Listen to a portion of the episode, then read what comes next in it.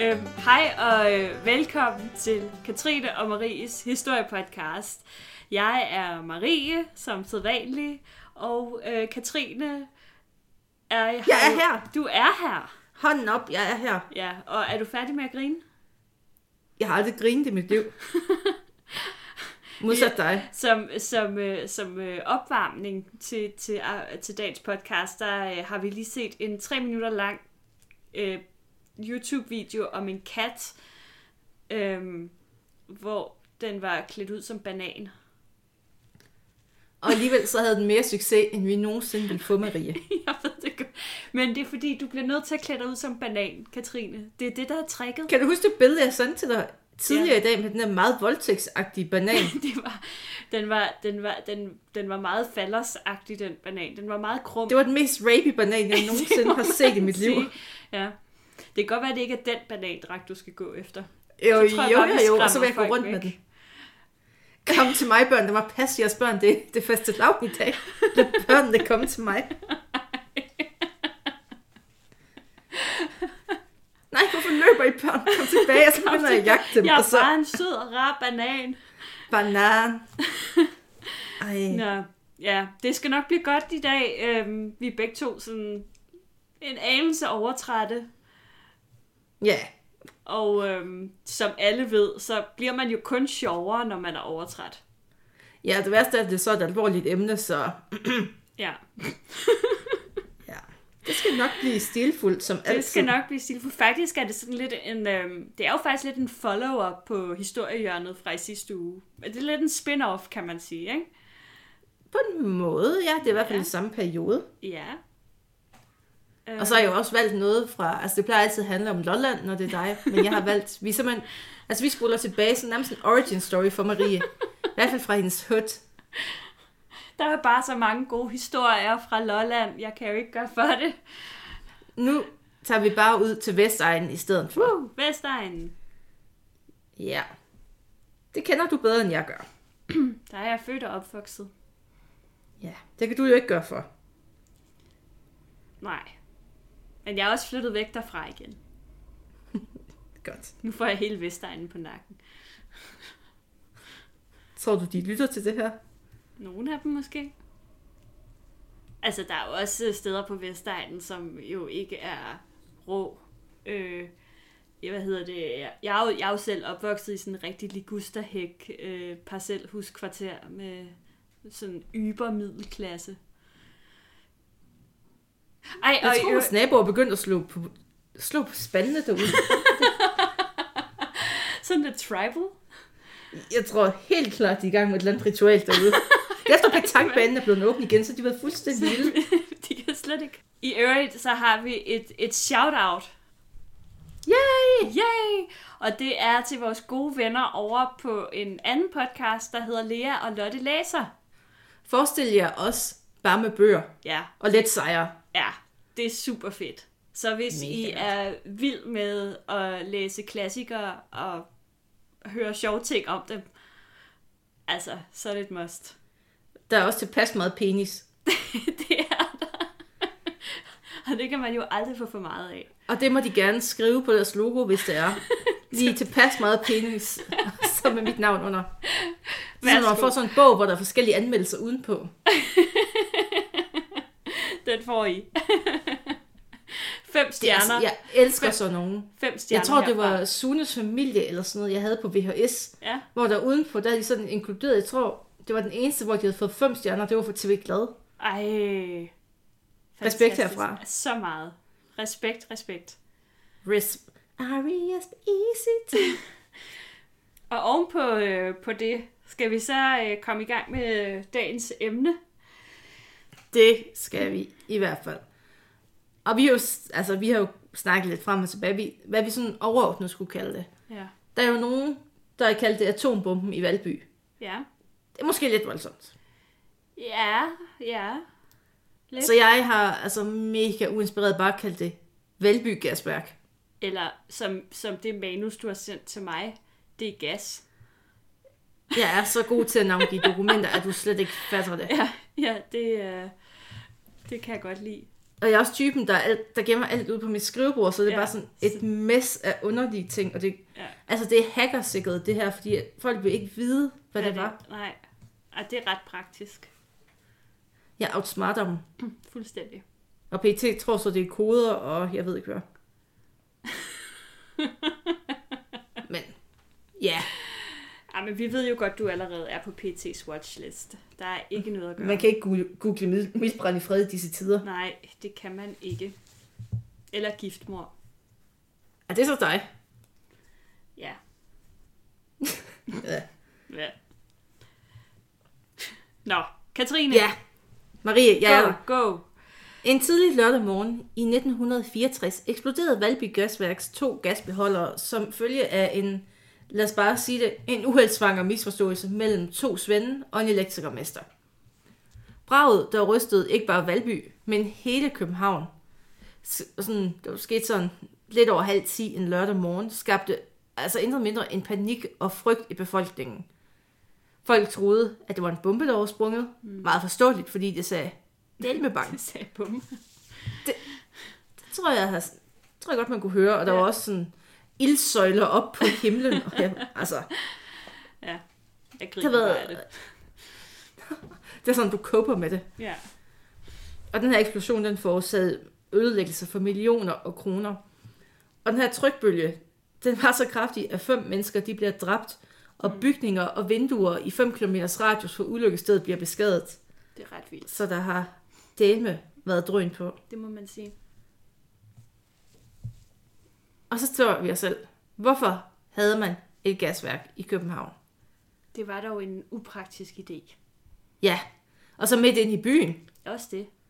Altså, jeg er lidt sest over det på en eller anden måde. Ja. Men bygas, det var i starten nødvendigt for at få gadelys, øh, altså i tiden før elektricitet, som vi kender det i dag. Mm. Der var jo en tid før det. Der var en tid før det. Og senere, der blev bygas også brugt som en del af husholdningerne, da man bevægede sig væk fra at fyre med træ og kul i komfurerne. Så derfor havde man det.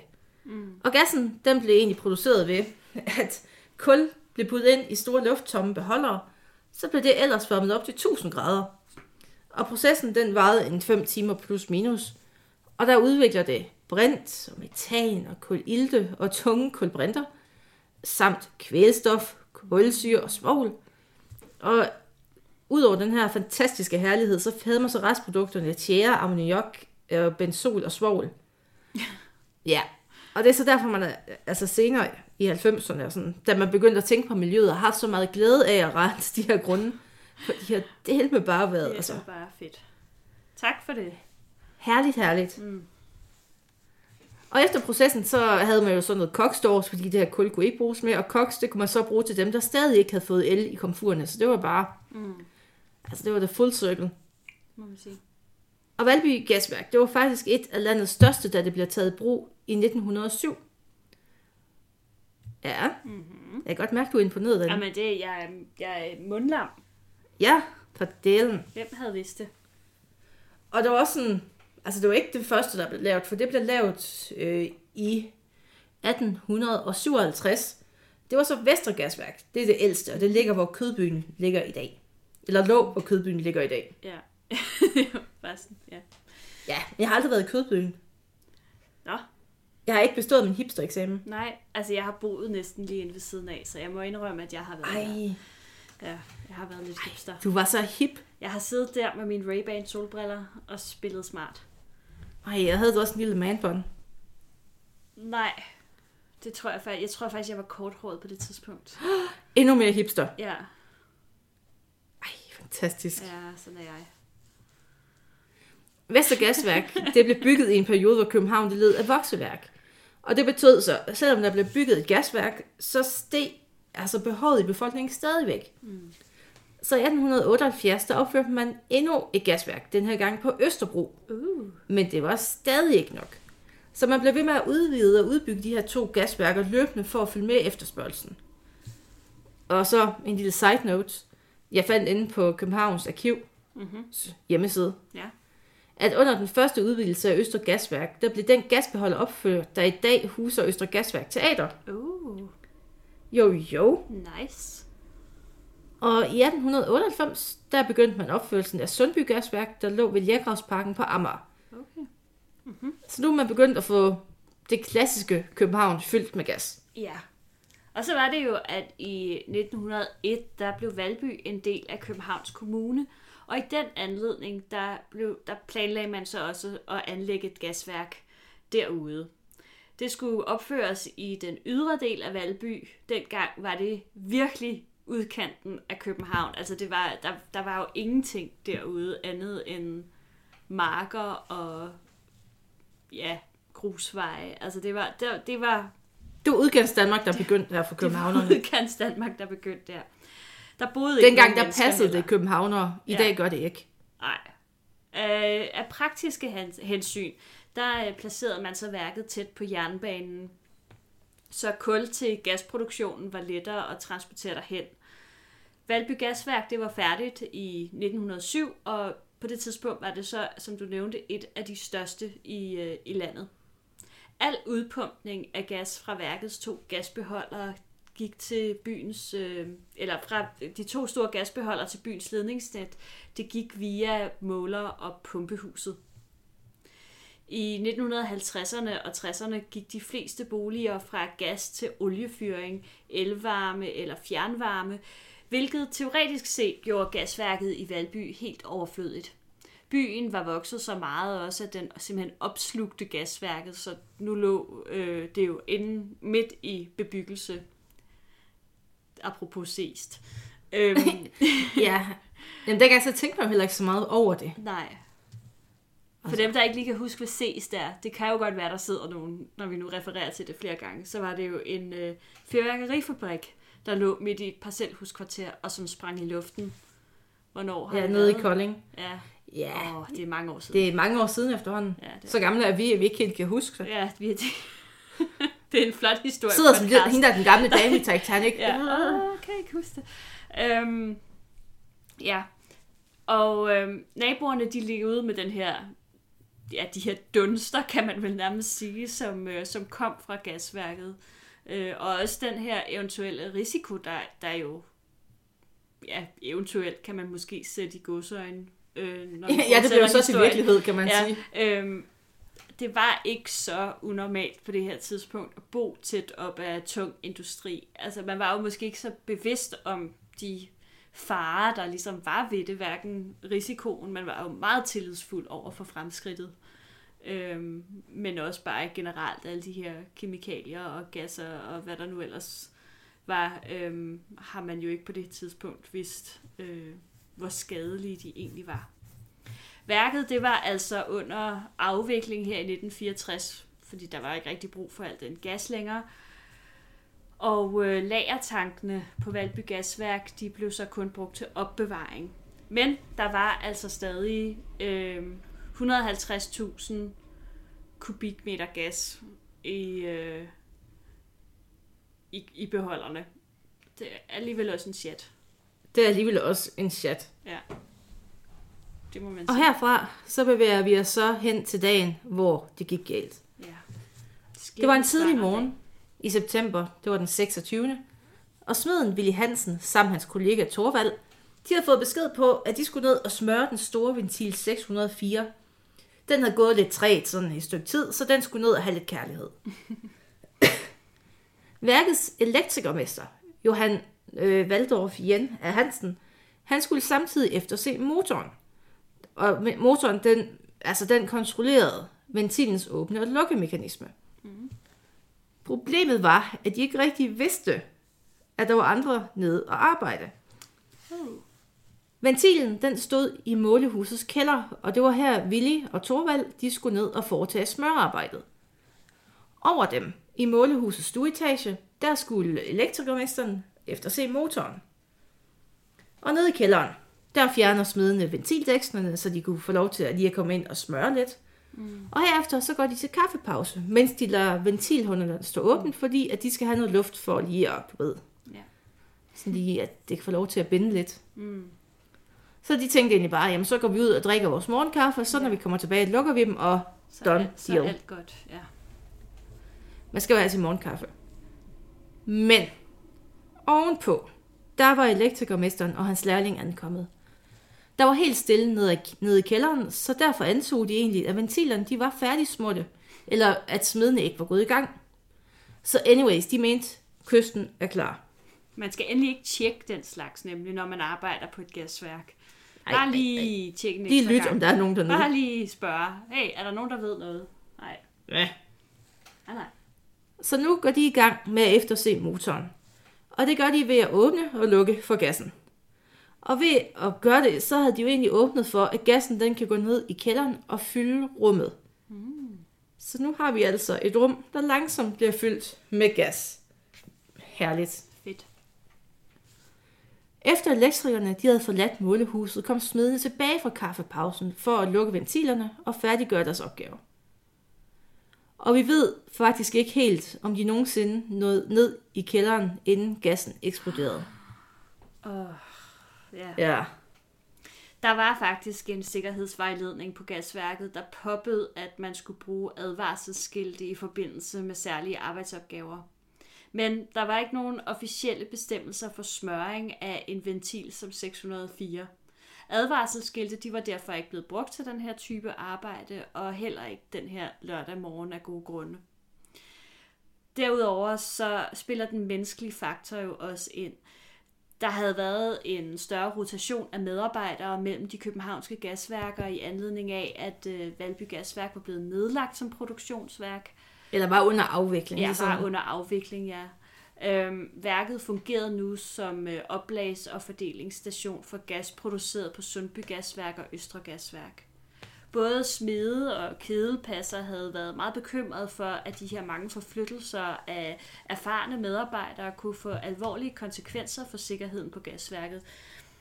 Og de havde rettet henvendelse til værkets arbejdsgiver, som var Københavns belysningsvæsen, og gjorde dem opmærksom på den her bekymring. Det er som om, at det er sådan en problemstilling, som vi egentlig godt lidt kender til i dag. Det der med, at man flytter rundt på virksomheder eller institutioner og flytter medarbejdere rundt og alt den Ja, der og så, viden ja, og- hvem gør hvad, Ja, og så mister man en masse viden og erfaring og så videre. Nå, men da de havde sagt det, så, øhm, så fik de efter sine at vide af belysningsvæsenet, at øh, man tog simpelthen bare det fulde ansvar for sikkerheden. Der var ikke noget at komme efter. ja. Det var der så nok alligevel. Mm. For braget for den her eksplosion, det var så enormt, at det kunne høres for det første i hele Valby, og helt ind til København. Kabum. Ja. Og der er flere sådan vidneberetninger, hvor at de, der har siddet brandmænd og hygget sig inde på Nørrebro, og så lige pludselig hørt et brag, og så nærmest slået op af deres stol, og jeg ved ikke hvad. Okay. Ja, det er vildt. Nemlig. Ja. Og brændende bygningsdele fra eksplosionsstedet, det antænder så gassen i de to store beholdere. Og hvad sker der med gas, der går ild i? Så de her, der er sådan, det er sådan delt næsten 50-50 i de her beholdere. Ja. Og der, de springer i luften, så der kommer to store ildsøjler, og de låg, der var på, de bliver så også smidt op, og de altså, bliver ødelagt Ej. op i luften, og det har været, Wow. altså, det har været et voldsomt syn. Ja. Men heldigvis, fordi det er en gasbrand, så aftog det sådan rimelig hurtigt. ja, det brænder hurtigt ud. Nemlig. Men eksplosionen var så ikke det værste. Fordi en eksplosion, den har altid en trykbølge. Og trykbølgen, den skabte betydelige materielle ødelæggelser uden for gasværksgrunden.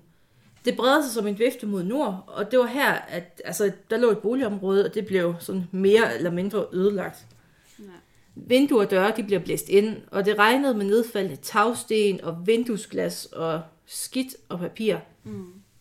Og et større antal lejligheder, villaer og butikker, de blev beskadiget. Og vinduer så langt som fra altså 5 km fra eksplosionsstedet, de bliver knust af trykbølgen. Det er alligevel ret vildt. Altså glarmesterne, de har haft en herlig dag. dag. Ja. Men, men vildt alligevel. Der har været gang, altså der har været tryk på. Det må man sige.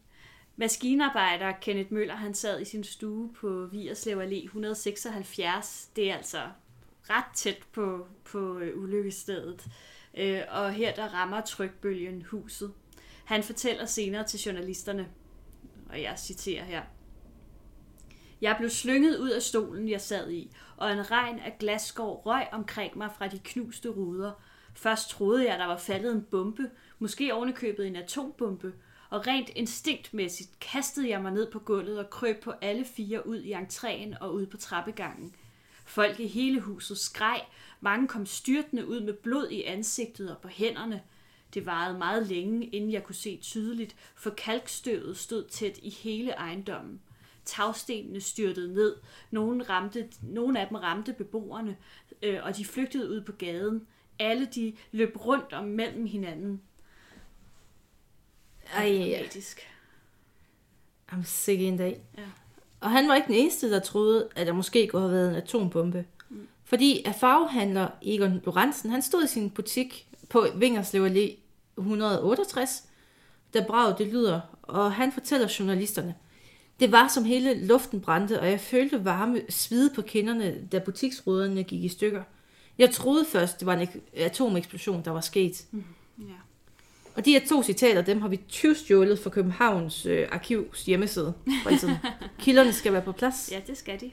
Ret skal være ret.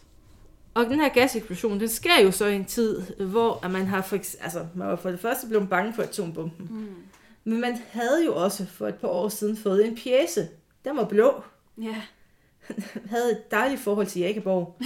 Hvis krigen kommer. ja. Og hvis man nu havde læst den. Mm. Og så tænker man, jeg hørte en eksplosion, og jeg mærkede en trykbølge. Mm-hmm. Og på, Ja. det, altså på det tidspunkt, der havde, var det ikke, altså der var det jo svært at sige, at det ikke var en bombe eller en atombombe. Altså, Altså jeg vil sige, den beskrivelse altså, kunne jo lige så godt have været en atombombe. Præcis, så jeg kan godt forstå, at der var mange, ja. der var bange, og der var mange, der troede, at krigen var brudt ud. Ja. Og det er også der, de mere sensation, altså sensationshistorikerne, de har sagt en atombombe i Valby. Ja. Ja, Men sådan er vi ikke. vi er et lødigt medie. det er vi. Ingen atombomber i Valby. Kort Endnu. efter eksplosionen var redningsarbejdet allerede sat i system, og brandfolk gik i gang med at grave sig gennem murbrokker og fjerne sammenkrøllede stålbjælker, assisteret af civile, der kom for at hjælpe til. Snart så blev de to smede fundet, og lidt øh, senere også den 56-årige kedelpasser August Sækker Vestergaard. De var alle tre døde. Trykbølgen, som øh, efterfulgte eksplosionen, skabte også stor ravage i området uden for gasværket, som, som vi jo lige har, har gennemgået. Der er nogle vilde beskrivelser. Folk de blev væltet om kul, fik mindre forbrændinger, blev ramt af nedfaldende tagsten og andre bygningsdele, eller fik snitsår af knust vinduesglas, fordi der var jo ekstremt mange knuste ruder. Godt 180 beboere fra boligområdet tæt på gasværket blev kørt til nærliggende hospitaler. Det var ikke kun øh, ambulancer, men også taxier og private vogne, der kørte med de kvæstede. Man satte noget hvidt stof øh, på bilerne, der ligesom kunne signalere til andre, at det her det var katastrofekørsel. Kun 14 af dem, der blev bragt til hospitalerne, havde dog kvæstelser af sådan en art, at de blev nødt til at blive indlagt. Heldigvis. Ja, fordelen. Ja. Der blev også ret hurtigt oprettet et nødlasseret på Lykkebo-skolen, der også ligger i nærheden. Øh, her blev omkring 30 øh, mennesker med mindre snitsår og chok bragt, bragt hen og behandlet af samaritter fra Civilforsvaret og læger, der befandt sig i området, da eksplosionen skete. Kun få timer efter eksplosionen havde Civilforsvarets forplejningstjeneste, kommunens folkekøkkener og et antal kvinder fra Socialtjenestens frivillige korps indrettet forplejningscenter på både øh, Nye Østengårdsskolen og Lykkeboskolen. Herfra blev der frem til øh, mandag morgen, det her det var jo om lørdagen, og så frem til mandag morgen udleveret i alt 2.100 portioner varm mad, 1.400 kopper kaffe med vinerbrød, meget vigtig detalje. Det har danskerne brug for. Ja, der er ikke noget, der kan redde situationen som en borgmesterstang. Du kender Øh. ikke de her koldkrigslærer med, altså Dagmar Terter, der bare var stuet sammen. Og øh, cirka 1000 stykker smørbrød til øh, beboerne i det skadesramte område. Altså kaffe, vin og brød og smørbrød. Så bliver en redningsaktion bare ikke mere dansk.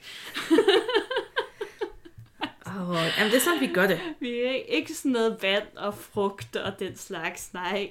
Frugt. Ja. På øh, Ny Østengårdsskolen blev der desuden indrettet nødindkvartering for de familier fra de værst beskadigede lejligheder. Altså man må jo sige, at der var sådan ret øh, effektivt øh, ja, nødberedskab. Altså de har vel, har de bare sådan stået standby på det her tidspunkt? Ja, man havde jo et meget velfungerende civilforsvar. Ja, Og de var jo klar, Ja. ja. hvis krigen kom. Ja. Ja. Og de var jo også klar til en krisesituation. ja. Og det her, Og den altså, her- det, det, det- var vel tilsvarende, hvis der, de, de har jo nærmest haft en eller anden form for øvelse her i, hvad de skulle gøre. Ja, hvis, det var en praktisk øvelse. Jamen, Ja. ja. altså, det var jo præcis som hvis der var faldet en bombe. ja, Det var jo noget, de havde øvet sig på, det her. ja. Ja. Så det var bare kaching, kaching, kaching. Man kan så spørge sig selv om, hvordan vores øh, nødberedskab er i dag, om man lige så hu- hurtigt ville kunne få... Øh, Jeg har frossen vin og brød op i fryseren. Jeg er klar, hvis krigen kommer. Du er klar, ja. Jeg har en prinsessestang for Rema til at ligge derude. Jamen, altså, man skal altid have og brød i fryseren. Ja. Altså selvom helst fra bageren med fryseren, det er jo sådan. Ja. Altså, Altså, når- men til når en tiderne er nødsituation, hårde, så ja. kan man ikke... Så må den i fryseren. Altså beggars can be choosers. Så nogle gange. Præcis. Og hele området, det lignede en krigszone. Ja. Hvis man googler billeder derfra, altså så ligner det jo, altså, Det jeg ja, jeg ved ikke hvad. Og gaderne, de var fyldt med, altså der var store materielle skader, der var fyldt med chokerede mennesker. Så det skal man ligesom have styr på nu. Mm. Så dagen efter ulykken, der blev der oprettet nødkontor i gasværkets kontorbygning.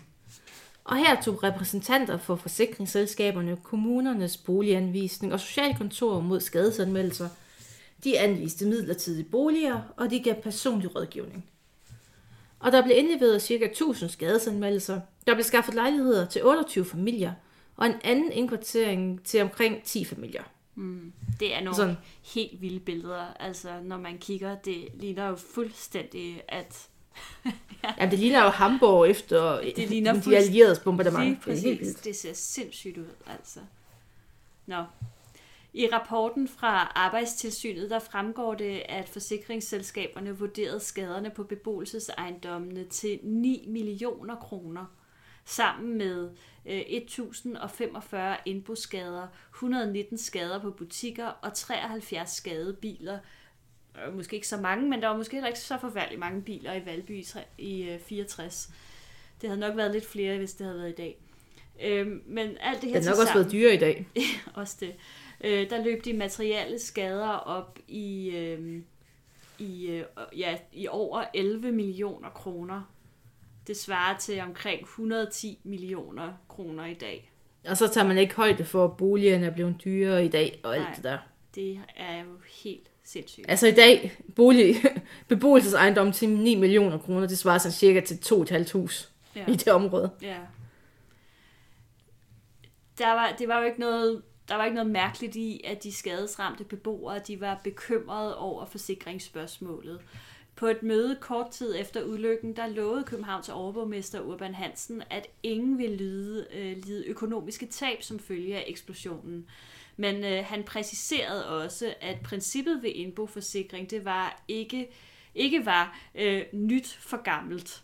Altså, du kunne ikke gå ud og købe et nyt fjernsyn, hvis du havde haft et gammelt fjernsyn. Ej, det var et dårligt eksempel i 64, men det er da sådan, Hvad havde man i 64? Det er Du kunne ikke ud en transistorradio eller en pladespiller.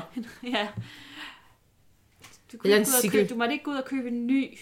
Du skulle gå ud og, men er det egentlig ikke lidt det samme, man har i dag? Jo, Er der ikke noget med, man, man må da ikke sådan bare gå ud og... Man skal ligesom købe noget, der tilsvarer det, man har mistet. ja ikke? præcis. Ja. Altså jeg kan ikke ødelægge min gamle iPhone og gå ud og spørge om at få en ny iPhone. Det skal svare til den model, jeg havde. ja, lige præcis. Mm. Men der er jo noget ansvar, der skal placeres her. Ja. Ifølge de tekniske undersøgelser, der blev ventil 604 ikke lukket helt efter elektrikernes eftersyn, og derfor siver gassen ud i rummet. Og der går gassen i forbindelse med luften og danner det, der hedder knaldgas. Fnis. Og knaldgas, altså gæt hvad det gør. Det siger knald, Det siger eller knald. giver, det siger knald. Det siger knald. Og der skal kun en lille bitte gnist til at antænde det. Ja. Spørgsmålet var så, hvordan blev knaldgassen antændt? Og det kunne man, altså det har man aldrig kunne slå fast med sikkerhed, fordi at der var ikke rigtig nogen til at mm, fortælle det, og de fysiske beviser, de var jo sjovt nok forsvundet. ja. I arbejdstilsynets rapport, der blev det så antaget, at det nok var en gnist for et stykke tabt værktøj. Eller så var der også det lidt andet rygte, at en af smedene, han skulle have røget en cigaret. Men det bliver så på det kraftigste afvist af gasværkets tillidsmand, fordi at så dum er de heller ikke, at man ryger, når man arbejder på et gasværk. Nej. Men det virker Nej. også lidt usandsynligt, at det skulle være et stykke tabt værktøj. Nå, men hvis, altså der er jo jern sådan et sted, og sådan noget jern, altså metal mod metal giver jo en gnist. Ja, der skal måske ikke så meget til. Ej, det skal der nemlig ikke. Mm. Mm. Ja. Men ansvaret det skulle placeres, og det faldt på driftsbestyreren Børge Sig og den førnævnte elektrikermester Johan Valdorf Hansen. Mm. Og de bliver begge to anklaget for at overtræde arbejdsbeskyttelsesloven. Ja, sådan temmelig voldsom arbejdsskade, må man sige, det der, der skete. Øh, ja. Og elektrikermesteren, han blev beskyldt for ikke at have udvist den tilstrækkelige forsigtighed i forbindelse med sit arbejde. Driftsbestyreren, han blev beskyldt for at have undladt at koordinere arbejdet, og han havde ikke iværksat de nødvendige sikkerhedsforanstaltninger, der skulle have forebygget den her ulykke. Mm. Begge de erklærer sig uskyldige i anklagerne.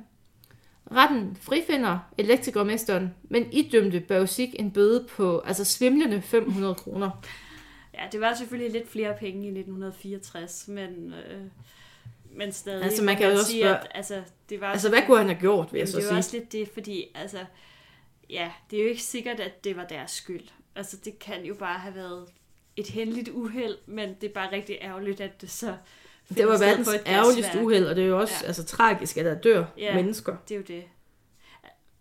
Altså, nu kan det godt være, at jeg stiller spørgsmål, som du måske ikke ved noget om. Men, men, Gud. øh, men det var fordi, at i starten, der sagde du, at der var fem mennesker, der døde. Og, og, øh, og så har vi snakket om, at det var, øh, at der var tre, øh, altså at det var de to smede, og så en øh, kedelpasser, der døde. Var, de, var der to andre, som var civile? Øh, Ja, jeg husker den ene, ja. som var en skolelærer. Okay. Og så en ældre mand, der døde af chok. Åh, oh, nej. Ja, han var sådan 70 år gammel, og så, Åh, ja, så hører han braget falde om.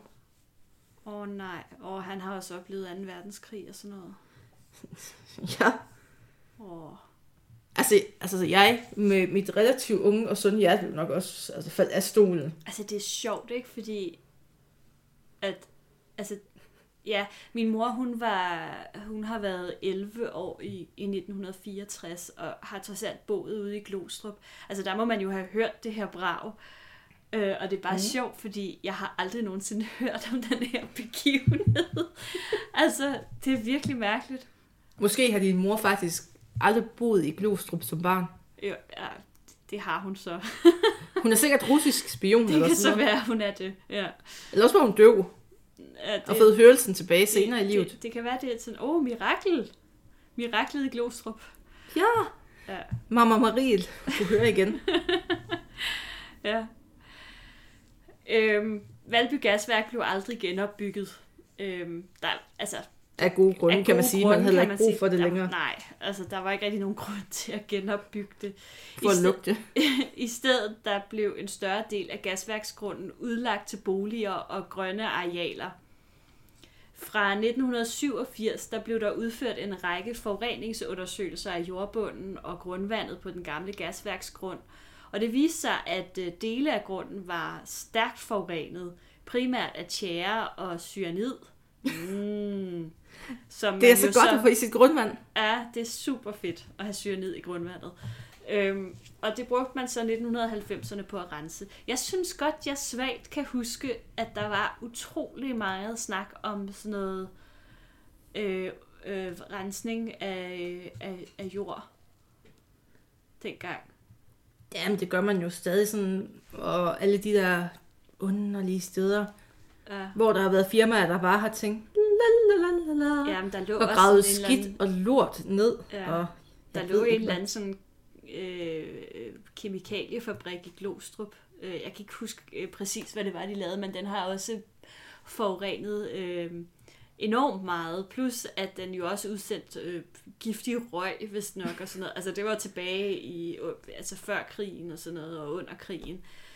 Øhm, og, øh, og, og det er jo meget fedt at tænke på, at øh, altså, at der er rigtig mange giftgrunde rundt omkring i Glostrup på grund af den her fabrik.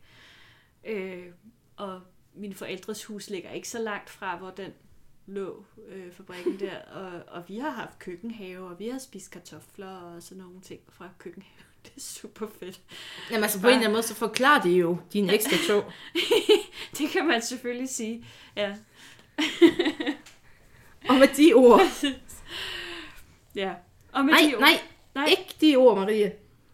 Vi skal jo lige gøre reklame for vores anden ting. Ja, ja for søren. Ja. Ej, jamen, på det der sådan, YouTube, der har vi jo fundet ud af, at levende billeder, de kan, altså, det kan formidles. Det er sjovt. Så derfor har Maria og jeg bestemt os for, at vi skal finde ud af, hvordan at vi vil overleve i stenalderen. Ja. Vi kombinerer faktisk to af, af, af vores yndlingsting. Katrine, hun spiller computerspil, og jeg snakker om stenalder. Der bliver snakket rigtig meget om stenalder, og jeg slår rigtig mange dyr og mennesker. Ja. Så hvis man er til den slags, Og hvis man bare sådan har lyst til, det er bare, det er bare sådan lidt hygge. det er mega hyggeligt. Ja. Så kom og giv os et kig. Ja. Blink, blink. Ja, der kommer cirka to, hvad var det, to afsnit ud om ugen. Og de er, Ja. ja. altså, de er sådan på en 20 minutter, eller sådan noget. Ja, omkring. 20 minutter og en halv Så time. det er sådan, det er sådan pænt lille. Lad det køre i baggrunden, så lærer du noget om stenalder og min hyperaggression. Det, det er fantastisk. Det er rigtig godt. Ja, Ja. på gensyn, folkens. Hej hej.